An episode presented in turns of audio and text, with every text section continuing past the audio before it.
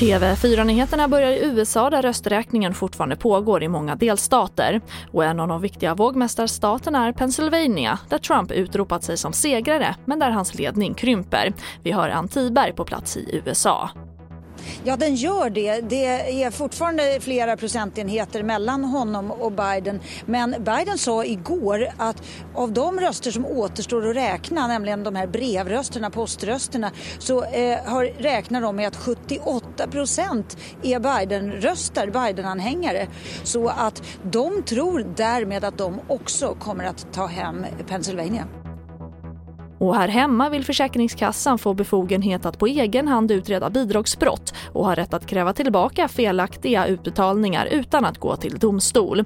Det skriver myndighetens generaldirektör på DN Debatt idag. Varje år anmäler myndigheten omkring 4 000 misstänkta fall till polisen men ytterst få går till domstol. Och en läkare i Linköping opererade bort fel organ ur en patient och nu får läkaren kritik från Inspektionen för vård och omsorg, det skriver Korren. Läkaren skulle operera bort en njure men råkade istället ta bort mjälten. Misstaget upptäcktes ett dygn senare och ledde till att den drabbade kvinnan fick genomgå en ny operation där njuren istället opererades bort. TV4-nyheterna, jag heter Charlotte Hemgren.